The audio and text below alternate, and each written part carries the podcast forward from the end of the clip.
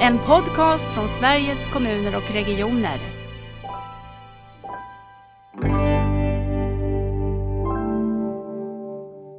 Så jag tänker att utvecklingen måste vara grundad i fakta och kunskap.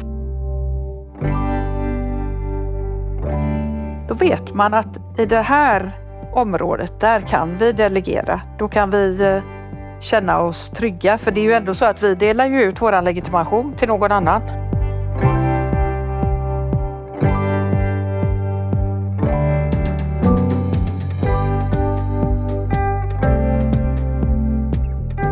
I dagens avsnitt av Nära vårdpodden ska vi prata om en fråga som hela Vårdsverige brottas med, nämligen uppföljningen av nära vård.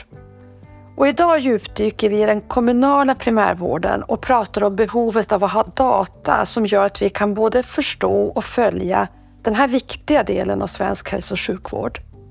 Så välkomna hit Teresa Larsen som är analytiker på FoU Väst och Ann-Charlotte Nyrén som är avdelnings och verksamhetschef på kommunala primärvården i Tjörns kommun. Välkommen! Tack! Tack så mycket. Eh, vi sa just innan vi började att eh, Ann-Charlotte, du sitter på Orust, du hade en fantastisk utsikt bakom dig. Ja. Och, och Teresa, du är som i ditt rätta element, massor med litteratur och böcker bakom dig i bild här. Kan inte ni berätta för eh, oss eh, vilka ni är? Teresa, börjar du berätta. Absolut. Eh, Teresa Larsson heter jag. Eh, jag jobbar som analytiker på FoU Väst Eh, och det är en forsknings och utvecklingsenhet inom Göteborgsregionen som är ett kommunalförbund. Eh, och där samarbetar vi 13 kommuner eh, i gemensamma frågor. Och på FoU Väst så jobbar vi framför allt med, med frågor som rör välfärden som kommunerna ansvarar för. Och vi gör det ur ett ganska brett perspektiv. Vi jobbar med allt ifrån individ och familjeomsorg, barn och unga-frågor, missbruk, eh, också med äldreomsorg och kommunal primärvård som är de frågorna som jag framför allt arbetar med. Nej. Eh, och vi är 15-tal forskare och analytiker som jobbar hos oss och en av de större, skulle jag vilja påstå, eh, FoU-enheterna som finns, kommunala FoU-enheterna som finns i landet. Själv har jag en bakgrund, jag, jag har en forskarutbildning i offentlig förvaltning. Eh, var doktorand på Arbetslivsinstitutet en gång i tiden, när det fanns.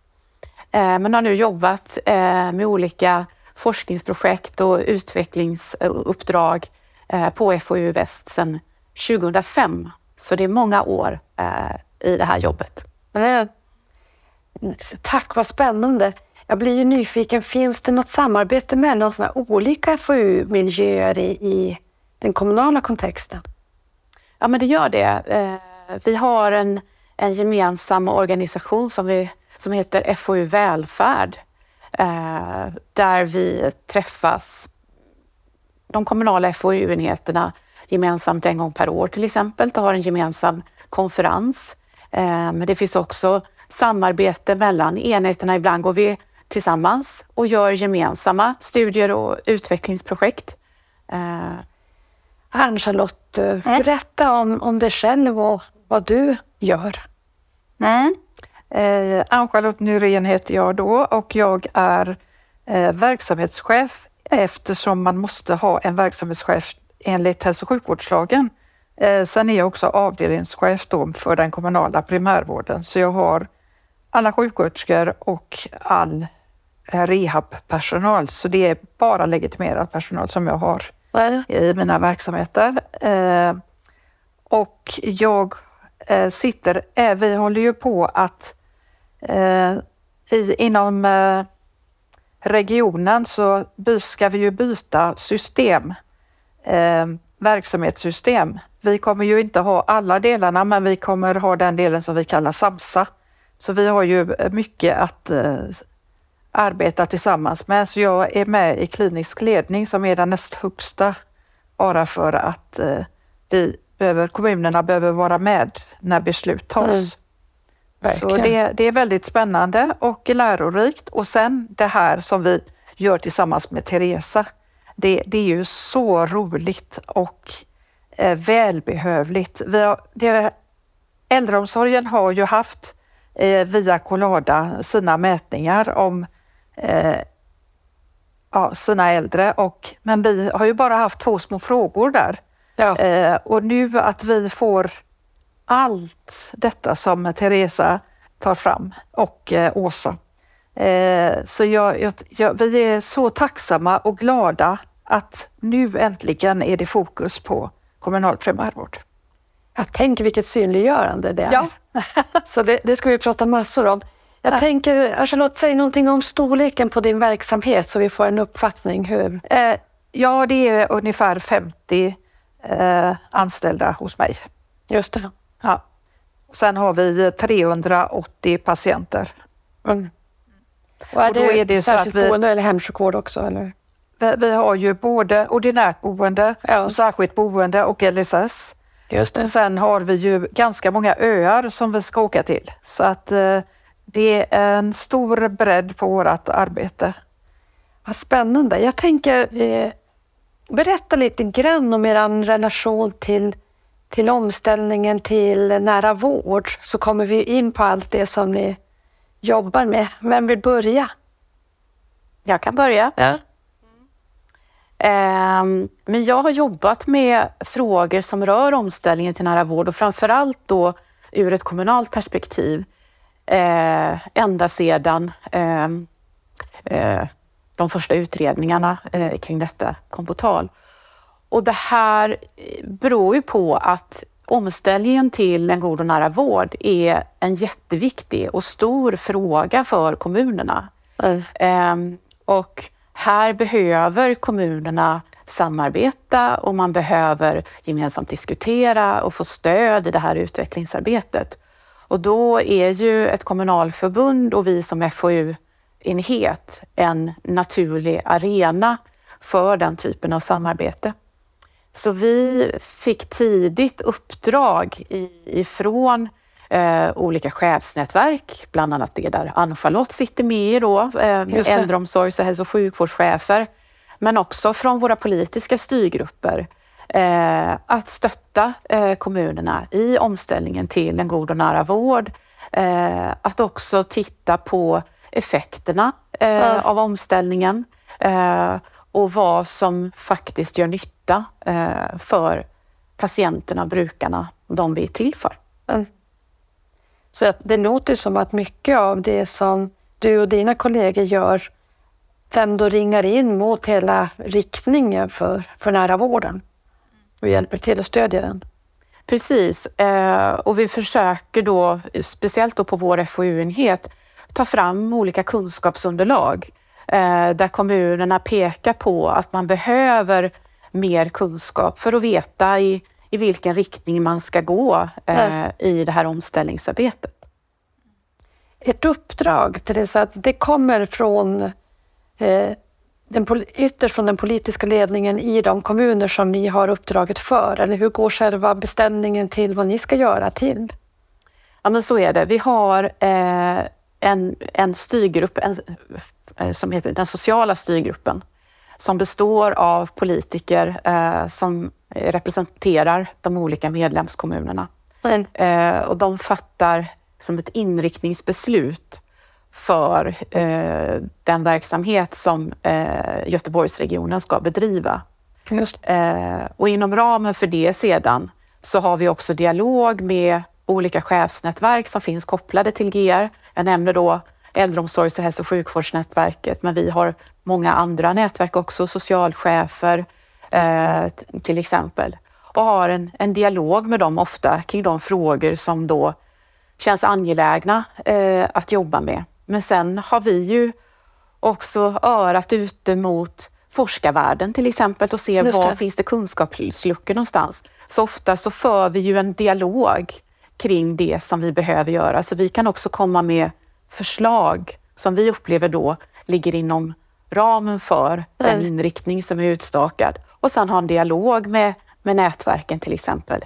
Motsvarar detta era behov? Är detta någonting som vi ska gå vidare med eh, Mm. och göra i så fall? jag tänker det måste ju vara jättebehjälpligt också att att man får hjälpen att se att här tror vi det är ett fält som vi skulle behöva titta på. Vad tror ni om det? Så det måste ju vara att det också kommer från ert håll, om jag tänker så. Och det, det är ju verkligen en hjälp och jag tänker att eh, inom vårat område, det är ju indelat i olika områden och vårat heter Simba. Det betyder att det är södra Bohuslän och eh, med Ale och då är det Tjörn, Stenungsund, Kungälv och Ale som är med i det. Nej. Och där träffas, eh, nu har vi dratt ner lite på det, men när pandemin var och vi fortsätter med det, det eh, träffar vi sjukhuset, alla vårdcentralerna Det är fantastiskt. och alla kommunerna. Var fjortonde dag är det nu och då tänker jag att där är ju för att vi ska göra den bästa vården för våra patienter. ja. Så där tar vi upp in och utskrivning och eh, sen har vi eh, klockan 11 idag, egentligen så har jag ett möte då eh, och då är det med vård, våra vårdcentraler på våran ö där vi också pratar om våra patienter och olika saker som vi behöver göra. Så vi eh, försöker verkligen att samverka. Sen har vi ju vissa svårigheter och det är ju kommunallagen som eh, eh, gör, talar om vad det är vi får lov att göra och inte. Ja, just det.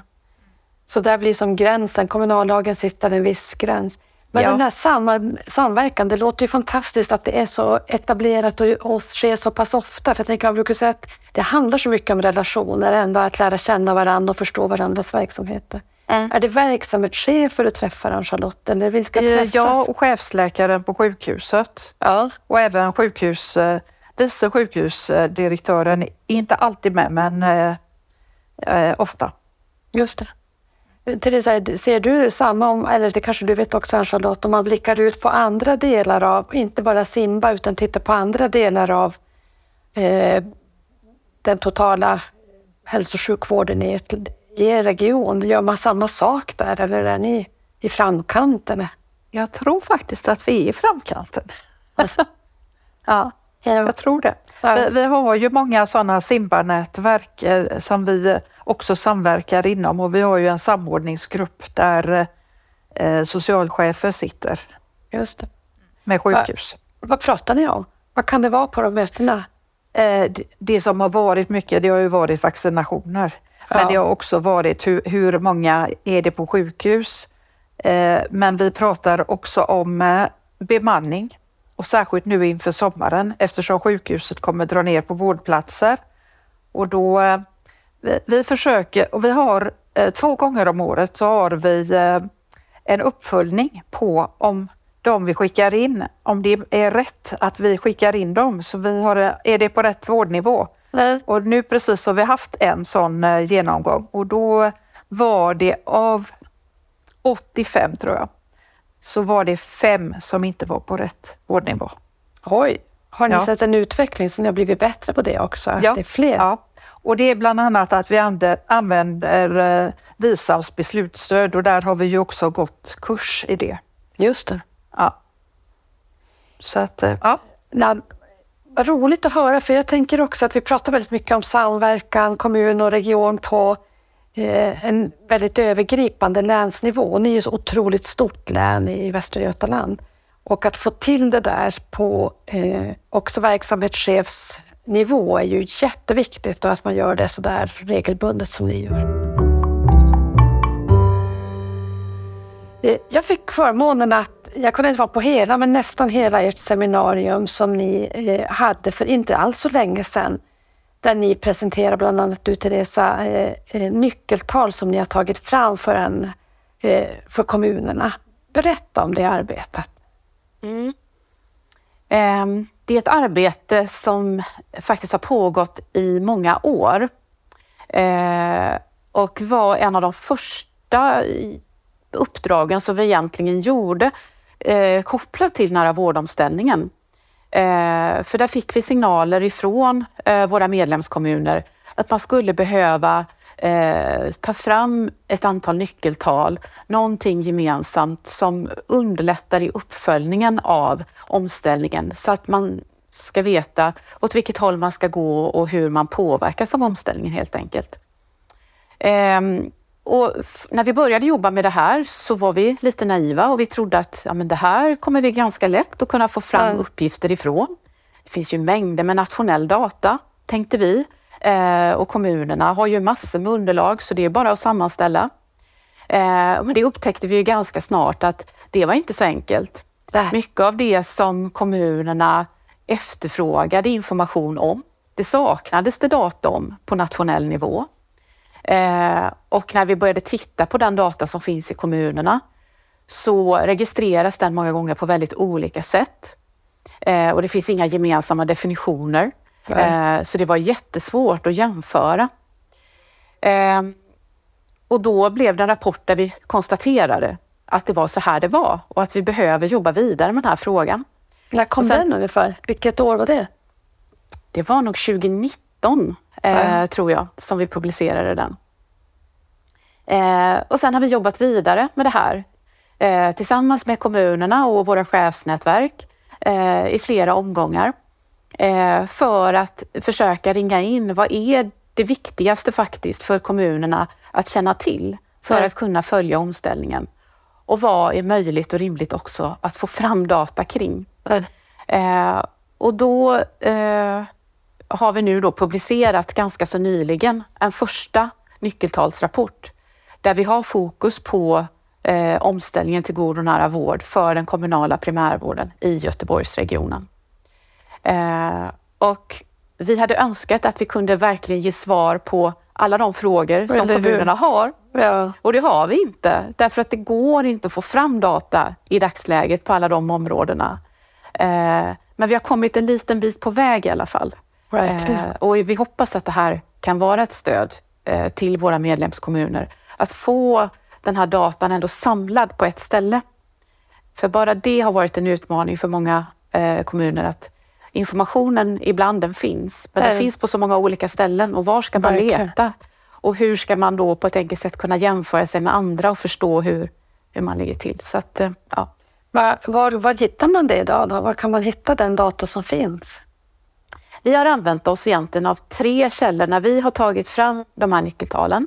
Dels har vi tittat på befintlig nationell statistik och det kan handla om, om eh, eh, data från eh, Socialstyrelsens register över insatser i kommunal hälso och sjukvård. Eh, det kan handla om data som finns i Svenska palliativregistret exempelvis.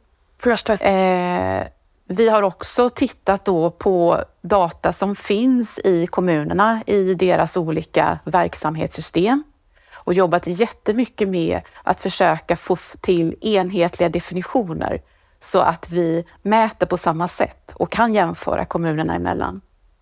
Och sen har vi också identifierat områden där det faktiskt inte finns någon information idag, men där kommunerna upplever att det är jätteviktigt att vi har tillgång till data.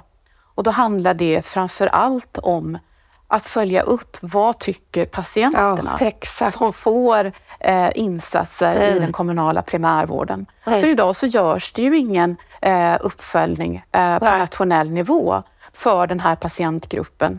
Eh, och det är en av få patientgrupper där man inte gör det eh, idag. Eh, så där har ju vi tagit fram en enkät som vi nu har skickat ut två år i rad till patienter som framförallt då bygger på ett i Storbritannien validerat instrument för att mäta hur personcentrerade patienter upplever att vård är i hemmet. Just det.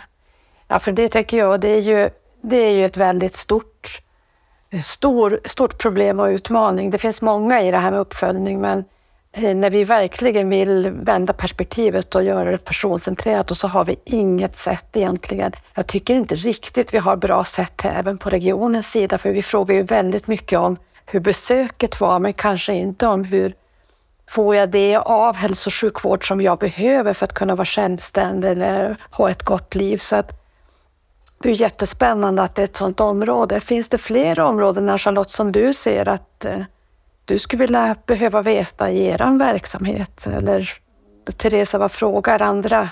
Vad är det mer man inte identifierar? Jag, jag tänker, vi, vi har ju också använt ett annat verktyg eh, eller ett annat företag som heter En Solution för att titta på hela vår verksamhet Eh, och eh, där har väl eh, ni också Teresa varit eh, i kontakt med dem tror jag.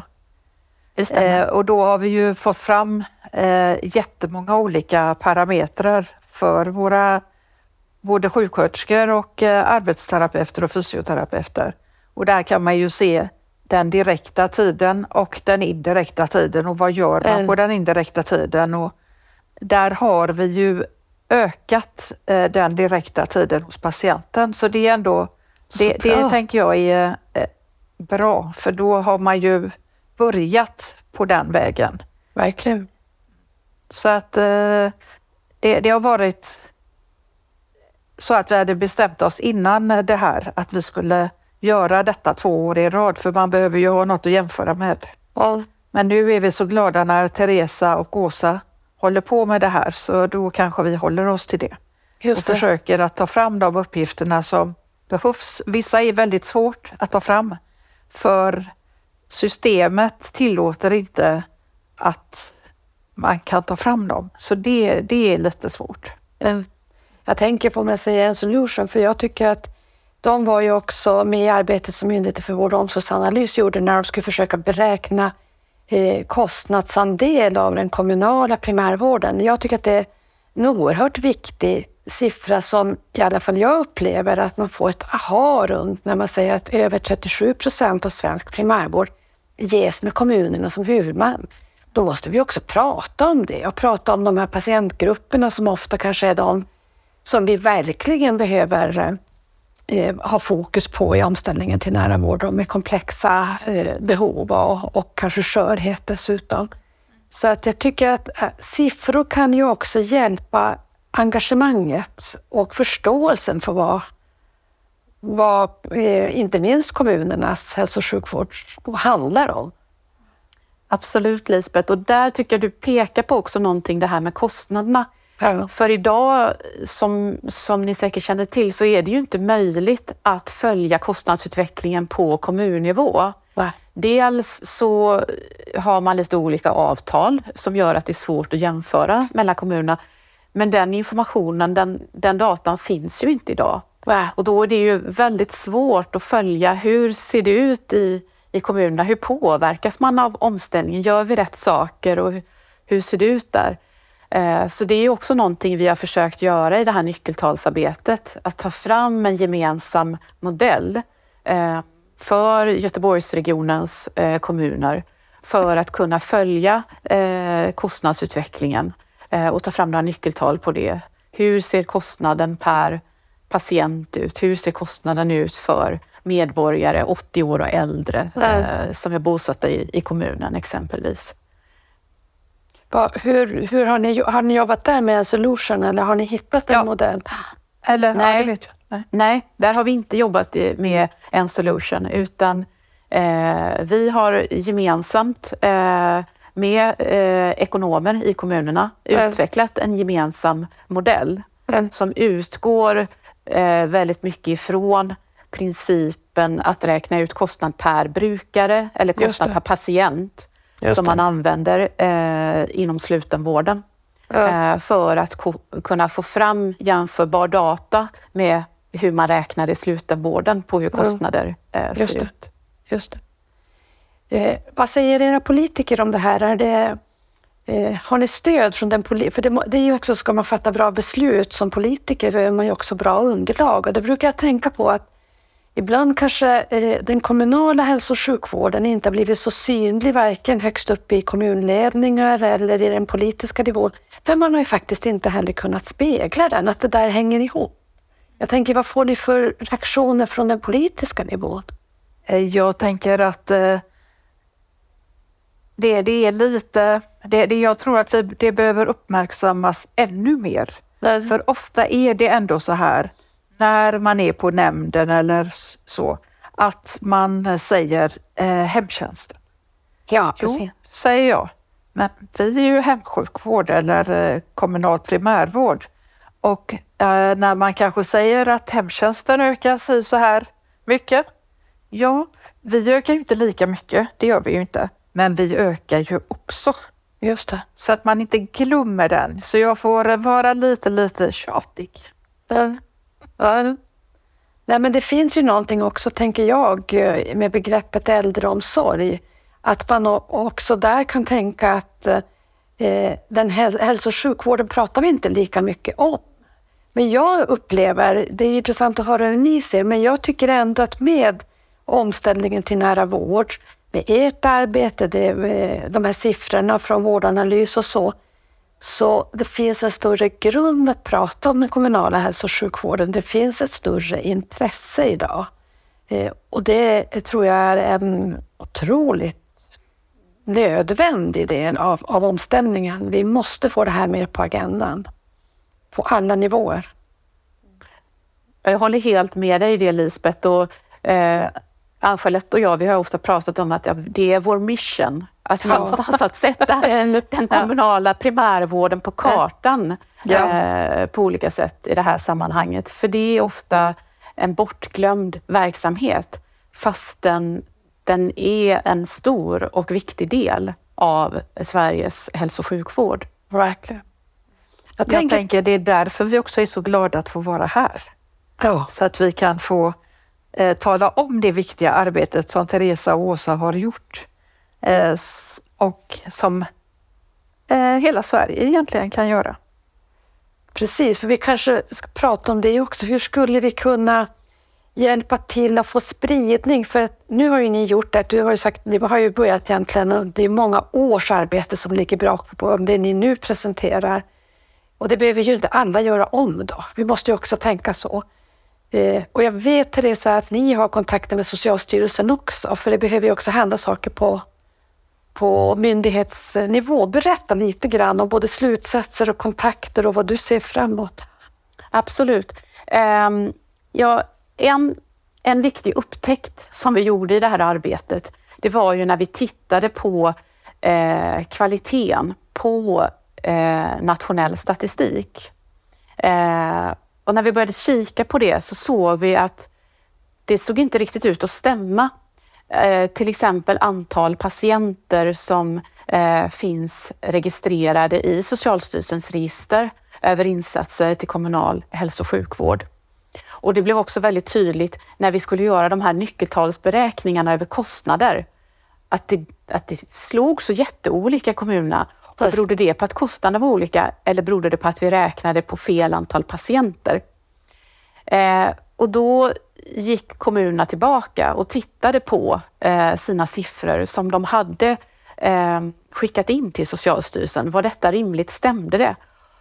Och då upptäckte vi till exempel att förra året så saknades 3000 patienter från eh, Göteborgsregionens kommuner.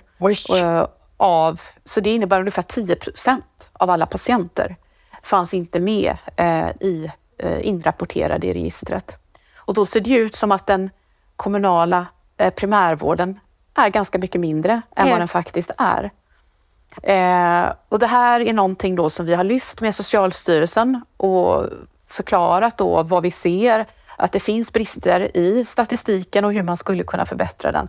Och vi kommer nu den 8 juni att ha ett gemensamt dialogseminarium eh, för kommunerna i, i eh, Göteborgsregionen tillsammans med Socialstyrelsen för att ha en dialog kring hur kan vi utveckla registret så att kvaliteten bli bättre. Just det. Så viktigt. Eh, vi tittar också på eh, det som heter KVÅ-koder. Eh, där vi också kunde se att det fanns stora brister i hur kommunerna registrerar där. Eh, vi upptäckte också att många KVÅ-koder som är centrala för att kunna följa omställningen till en god och nära vård inte är möjliga för alla kommuner att registrera i sina verksamhetssystem. Det gäller till exempel SIPPar. Kan inte alla våra medlemskommuner registrera. Så det ser ut som att man gör noll SIPPar fast vi vet att man gör många. Eh, så här krävs ju också ett stort utvecklingsarbete eh, i detta. Ehm, sen kan jag också säga då att eh, jag tillsammans med forskare på Göteborgs universitet har tagit initiativ till ett forskarnätverk eh, med fokus på omställning till god och nära vård ur ett kommunalt perspektiv. Mm. Eh, och där har vi haft en workshop tillsammans med eh, verksamma både i kommun och region för att ringa in forskningsbehov eh, som rör eh, omställningen och vilka kunskapsluckor som finns. Eh, och där har vi nu gått vidare då och gör ett antal ansökningar om forskningsmedel eh, för att komma vidare. Bland annat för att kunna titta på hur kan man stötta eh, patienter att ge egenvård eh, på eh, ett, ett, patientsäkert sätt. Hur gör vi det på bästa vis? Mm. utveckla metoder för att mäta vårdtyngd till exempel, som vi ser är någonting som är jätteviktigt att kunna följa för att se hur omställningen påverkar så att det inte blir undanträngningseffekter till exempel. Eh, och så vidare. Vad spännande. Vi gör precis i, i det program, vårt stödprogram från SKR, vi börjar titta på forskningsförutsättningar och forskning både inom och om den nära vården. Så det vore roligt att ha kontakt med ett nätverk och se att vi fångar upp rätt saker. Det är Karin Singmark som är professor vid Luleå tekniska universitet som håller ihop det nätverket. Så det ska vi absolut göra eh, så vi kan höras av där. Det låter jättebra.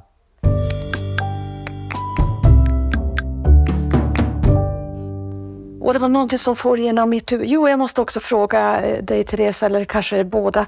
När, ni, när du pratar om KVO-koder och sätt att registrera och så, så tänker jag också på nya lagen om sammanhållen vård och omsorgsdokumentation. För lite det vi ser, att ska vi kunna få nytta av den lagstiftningen så behöver vi också veta att vi har samma begrepp och termer både över region och kommungränser och att kommuner och regioner förvisso också använder samma begrepp och har möjlighet att registrera saker så att vi verkligen kan följa vår gemensamma verksamhet också. Har ni tänkt det, kopplat ihop det mot själva ny lagstiftning också? Har ni hunnit tänka i de banorna? Jag kan säga att i, i den arbetsgrupp som vi hade kopplad till nu utvecklingen av nyckeltal så pratade vi om detta mm. och behovet av att vi skulle behöva ensa oss i kommunerna om vilka begrepp och koder som används för att det faktiskt ska vara möjligt att följa upp på ett bra sätt. Mm. Men det är ett jättestort utvecklingsarbete i sig som kräver ett eget eh, projekt. Ehm, men vi ser definitivt behovet av att göra detta mm. så att vi inte jämför äpplen och päron. För risken är stor att vi lägger väldigt mycket tid på att registrera en rad olika uppgifter och sen litar vi inte på kvaliteten i det här, för vi ser att ja, det är ändå bristfälligt. Och då använder vi inte resultatet. Nej. Och vi borde göra precis tvärtom. Alltså, våra system, våra verksamhetssystem borde stötta i så att ingen behöver göra den här manuella handpåläggningen hela tiden för att registrera extra saker. Nej. Och sen borde vi lägga den tiden som vi idag lägger på registrering på att analysera och att förbättra våra verksamheter. Våra verksamheter. Anna, För det kan man väl... Ja, det kör du. Nej, nej, jag tänker att det kan man väl eh, att eh, vår personal, eh, de har ju jättemycket dokumentation och vi bytte precis då, eh, verksamhetssystem så då blev det ju ännu mer för att då skulle ju allt föras över. Eh, men nu registrerar vi, vi har inte kunnat registrera KBO-koder men det kan vi nu. Och jag har sagt att det är väldigt viktigt att man gör det för att man ska kunna jämföra sig med andra. Ja. Och det tycker jag är väldigt viktigt att man kan eh, se hur ligger vi till och vad kan vi göra bättre? Ja. Eh, och när det gäller de här KVH-koderna så är det ju väldigt många, men man har ju tagit ut ett visst antal som är till kommunen. Och om man då enas om att det är de här vi använder, eh, ja, så tänker jag att då blir det ju jämförbart. Eh, I eh, program Millennium som nu är det, det andra programmet som vi håller på med i regionen, där håller vi också på att ensa oss för olika rutiner. Så jag tänker det är ett sådant arbete som vi kommer få ha i, våran, eh, i vårat område. Just. Ja. kan inte du också säga lite mer om hur ni jobbar med kvalitetsutveckling och, och uppföljning och data i er verksamhet Charlotte? Vad har du för reflektioner ja, kring det? Där, ja, vi, vi, har ju på varje avdelning har vi ett kvalitetsråd som eh, träffas en gång i månaden. Utöver det så träffas arbetsterapeuter och fysioterapeuter ytterligare en gång i månaden där de går igenom hur kan vi göra olika saker bättre och eh, ja, vad kan vi göra på annorlunda sätt och hur kan vi utveckla våran utbildning för förflyttningsteknik och så. Mm. så att, eh, och sen träffas vi, om det är en eller två gånger per år, alla de här utvecklingsnätverken eh, och eh, ser så att vi har samma förutsättningar. Just det. Så, så eh, tittar vi på kvalitet. Vad betyder då arbetet med att få fram lite mer av nyckeltal och så för er verksamhet? Ja, det har ju, det har ju varit svårt eftersom vi har så många olika, eller olika program. Just Och det. till exempel ett av programmen har ju varit att ta fram delegerade eh, uppgifter och där har vi ju haft svårt att få fram den uppgiften. Mm. Och vi har ändå eh, skickat mejl till eh, företaget och det har, eh, ja, vi, vi behöver eh, prata med dem lite mer så att vi verkligen kan få fram den uppgiften till Det- nästa gång. För det där tycker jag är så intressant. Eh, om man bara tittar på det som just utförs av den legitimerade personalen, då fångar man ju inte kommunal hälso och sjukvård eftersom så mycket görs på, på delegation. Mm. Och det där tycker jag att jag möter så mycket av, en, på något sätt en mischmasch i det där. Eh, för att när man jobbar på delegation så jobbar man ju enligt hälso och sjukvårdslagen och, utför hälso och sjukvårdsinsatser. Så är ni hoppfull på att det där ska gå att få fram? För är inte det en nyckel i det här att inte heller så lätt att beräkna storleken på hälso och sjukvård? Och vad tänker ni det? Alltså det är ju jätteviktigt tänker jag att man någon, på något vis också kan följa eh, det som utförs på delegation. Då- Ehm, och det har vi ju inte möjligheten att göra idag. Alltså KVH-statistiken är precis som du säger, den är bara en bit på vägen. Eh, men det andra kan vi ju idag inte följa på ett bra sätt. Det är vissa av våra medlemskommuner har kunnat via sina verksamhetssystem få fram den typen av eh, statistik och då är det ju framförallt de kommuner som har digitala signeringssystem och oftast då Ja, i hemtjänsten. Eh, men däremot inte på de särskilda boendena. Eh, så vi har ju en... Vi, vi har inte bilden av vilka eh, uppgifter, insatser som delegeras, hur många som utförs, eh, om de överhuvudtaget utförs, med vilken kvalitet Nej. de utförs. Eh, och det skulle vi behöva veta mycket mer om för att kunna följa kvaliteten på eh, och omfattningen på, på den kommunala primärvården. Så, jag tänker nu med undersköterskan som blir skyddad yrkestitel och så. Är undersköterska automatiskt någon som jobbar med omsorg enligt socialtjänstlagen eller är undersköterska också en som jobbar enligt hälso och sjukvårdslagen? Vad, hur för ni resonemang om det? Jag tänker i alla fall att eh, alla undersköterskor eh, arbetar enligt hälso och sjukvårdslagen Ja. Ja. Det, ja. det är Mm. utgångspunkten och särskilt nu om man får den titeln. Ja. För då ska man kunna göra de uppgifterna. Ja, så tänker ju jag och också. är det så att eh, när man gör en delegation och man säger att "Nej, men jag kan inte, nej men då får vi eh, pröva och göra lite mer. Och så till slut så kan personen och då, är det, då går det ju att delegera. Just Så det. jag tänker att jo, de jobbar enligt hälso och sjukvårdslagen. Ja. Är det så man tänker runt om? Vad är er erfarenhet kring det? Jo, men jag tror det. Och lite är det ju så här också nu att man börjar ju arbeta enligt eh, SKRs, eh, den här eh, karriärstrappan eller eh, som det kallas, eh, med vårdbiträde och specialist eh, vårdbiträde och undersköterska och specialistundersköterska och det, det har vi infört i våran kommun. just, Ja. Så jag, jag tänker att då, då blir det, då vet man att i det här området, där kan vi delegera. Då kan vi eh, känna oss trygga, för det är ju ändå så att vi delar ju ut våran legitimation till någon annan. exakt. Ja. En annan sak som jag tänker, Charlotte, det är ju, eh, vi har ju stödfunktioner till våra verksamheter, controllers, ekonomiavdelningar. Eh, hur känner du att, hur, hur har ni byggt upp samarbetet? För jag tänker seriöst att om ni från, från er FoU-miljö kan stödja med de här nyckeltalen och hur vi ska tänka så behöver det ändå göras praktiskt. Det måste ju fångas i systemen i, i de olika, ja men hos er i, i din verksamhet. Har ni involverat Men vi var dem? jättebra. Vi var Nej. jättebra. Nej. Jag hade precis ekonomimöte för april, alldeles innan jag gick in i detta mötet eh, Ja. med enhetscheferna. Så att jag, jag tänker att eh, vi har gott stöd och behöver vi lämna ut uppgifter, då är de eh, duktiga på att göra det. Just det. Och jag kan säga i vårt nyckeltalsarbete så har vi ju samarbetat både med controllers ekonomer eh, och med eh, till exempel verksamhetsutvecklare. Vi har haft med enhetschefer, masmarar och så vidare i arbetet. Eh, och där ser vi ju att, att den mixen har varit väldigt bra för att få en helhetsbild. Nej. Eh, för man har lite olika kompetenser. Men jag delar din bild där Ann-Charlotte att, att eh, eh, i våra medlemskommuner så upplever jag att man jobbar tätt tillsammans där eh, och stödjer varandra eh, och har en god kunskap om Alltså controllers har en god kunskap om verksamheten. eh, Ja, det har de verkligen. Absolut. De är fantastiska. Ja. Så bra, för jag tänker det är precis det vi behöver. Ett team med olika kompetenser som du också säger Therese. Vad tänker ni om ni blickar framåt några år? Hur vill ni att utvecklingen ska se ut?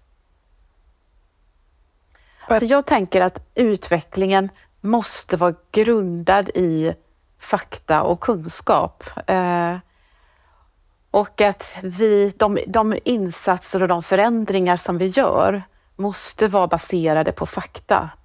Eh, det är lätt att springa iväg och göra eh, olika saker eh, men utan att verkligen följa upp och se vad det får för effekter. Eh, och istället för att alla kommuner till exempel nu runt om i landet springer ut och testar lite olika saker så borde vi lära av varandra och man, man borde följa och utvärdera eh, och beforska det som vi gör eh, på ett annat sätt för att verkligen veta att vi gör rätt saker. Och att det också finns möjligheter då att följa upp eh, genom eh, nyckeltal, men att det finns tillförlitlig statistik som man kan använda sig av så att vi inte gissar, för då är risken stor, tänker jag, att vi kanske går åt fel håll. För vi antar att det kommer bli på ett visst sätt utan att veta. Just det. Vad tänker du Ursula? Jag, jag tänker att eh, där är det ju viktigt att våra system eh, är så att de kan hjälpa till med att eh, ta fram de här uppgifterna och det gäller ju i hela Sverige då att vi har system som verkligen arbetar för oss och lämnar de här eh, uppgifterna så att Teresa kan göra sin forskning och hjälpa oss sen i verksamheten. Nej. Så jag tänker att det är väldigt viktigt att eh, det blir rätt från början. Mm. Det jag också tänker, det, det som är den stora utmaningen tänker jag i en sån här stor omställning, det är att, att det vi gör framåt inte går att bara utvärdera mot hur vi gjorde tidigare, för vi kommer ju ha eh, ett helt annat behovsläge, en annan kanske resursbrist. Så man skulle också behöva ha ett, något typ av simulerat läge. Om vi inte gjorde förändringar, hur skulle vi då ha det? För det är egentligen mot det vi måste eh, jämföra och det tror jag är det riktigt svåra i det här. Att, eh, att förstå att eh, läget är ju inte som det är idag om vi inte gör något, utan då är ju läget något annat. Och det är ju förbättringar i förhållande till det andra läget. Det tror jag mycket när man pratar om om eh, vad ska jag säga, effekter och vinster som är mer av ekonomisk karaktär eller resurskaraktär. Att man förleds att tänka att eh, eh, ja, men då borde vi spara in så många korttidsplatser eller vårdplatser, men de är ju redan belagda med andra. Och då måste man tänka, men vad hade hänt om vi inte hade gjort förändringarna? Ja, då kanske vi hade haft ännu fler som behövde korttidsplats för att vi inte jobbade med ett rehabiliterande förhållningssätt. Nu, nu är det bara exempel. Nej. Och det tycker jag är den, den väldigt svåra eh, nöten att knäcka i det här. Jag tänker Teresa, du som har ditt eh, eh, forskningsperspektiv, vad tänker du i det? Alltså jag vet ju att det finns några sådana försök till studier gjorda. Ja. Där man har försökt då att simulera eh, olika effekter av insatser och så. Ehm, och ett dilemma med många av de studierna är att de bara tittar på vad blir effekten ur ett ganska begränsat perspektiv. Ja. Alltså vilken besparing gör till exempel sjukhuset? Ja, precis. Men man tittar inte på vad blir effekten för patienten eller vad, Nej. är det så att det händer någonting i kommunen? Utan man behöver ju ha det här helhetsperspektivet. Och det förutsätter ju också att vi som gör den här typen av studier också samarbetar Ja. eh, över verksamhetsgränser. Mm. Så att vi inte bara har det kommunala perspektivet alla gånger utan Nej. att vi försöker titta på detta bredare.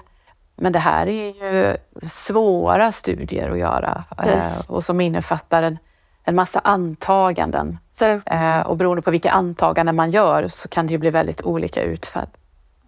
ja. ja, verkligen. Det där, och, och också att effekterna måste ses på individ, alltså personnivå och systemnivå. För att det är ju farligt om vi fortsätter att bara se på effekterna i varje liten del för sig. Så det delar jag helt. Jag, jag tänker det som eh, är ju den här befolkningspyramiden som vi har med så många äldre som kommer just nu Mm. och eh, de som är i arbetsför ålder är inte så många. Då måste vi tänka utanför. Ja. Att nu får vi kanske ha många fler digitala eh, verktyg som kan hjälpa oss när vi har avstånd eller eh, Verkligen. när patienterna kan klara sig själva genom att de får eh, det här verktyget. Ja, Så det, vi får eh, tänka utanför boxen. vi får tänka. Och kanske mer aktionsinriktad forskning också. Att vi också, för jag håller helt med, vi måste också utvärdera våra insatser. Men, eh, men att också kunna göra det och kanske anpassa insatserna när utvärderingen visar att eh, ja, men det här var bra effekter men inte det här. Att kunna jobba mer drivet så. Och inte minst då i sådana aktionsforskningsprojekt tänker jag som vi har skissat på också i, Mm. i vårt forskningsnätverk. Att man gör den, det utvecklingsarbetet tillsammans med patienten eller brukaren, Exakt. tillsammans med anhöriga och ur ett tvärprofessionellt perspektiv. Nej. Det är inte forskarna som ska sitta på sin kammare Nej. och, och komma på hur detta ska göras. Utan vi måste ha med dem som verkligen har kunskapen om sin egen situation och verksamheten i det här. Verkligen. På det sättet tänker jag att det blir ju också hela värdegrunden för nära vård blir också en värdegrund i forskningsdesignen. Så att eh, det är ju jätteintressant. Hörrni, vilket spännande och viktigt samtal. Jag tänker att vi ska börja avrunda, men är det saker som vi inte har pratat om som vi kände här måste vi ändå ta upp? Nej, ni skakar lite på huvudet. Nej, men jag hoppas i framtiden att det blir också på nationell nivå ett ökad fokus på den kommunala primärvården och att när man tänker uppföljning av omställningen till god och nära vård, att det faktiskt nog inte går att bara använda sig av de mätningar som har gjorts historiskt. Därför att det här innebär någonting annat och då måste vi nog utveckla nya sätt att mäta. Eh, och det har jag en förhoppning om att det också ska finnas på nationell nivå. Till exempel det här med att faktiskt fråga patienterna vad de tycker. Ja. Eh, det, det är en en förhoppning från min sak, som jag, ja, en sak som jag tänker i det här också med att eh, vården flyttar ut, då får man också tänka på att då kanske resurserna behöver flytta ut. Mm. Precis. Alltså så kloka, jag kan bara hålla med er båda eh, i båda de slutsatserna och jag tänker också att det är en viktig sak för oss på SKR som jobbar med nära vård. SKR är så stort och har många olika men, men att verkligen vara bärare av de här perspektiven och lyfta det, det kommunala perspektivet för att det är så viktigt för personen. För jag tänker det är ändå personen som vi har i fokus, den enskilda som behöver våra insatser.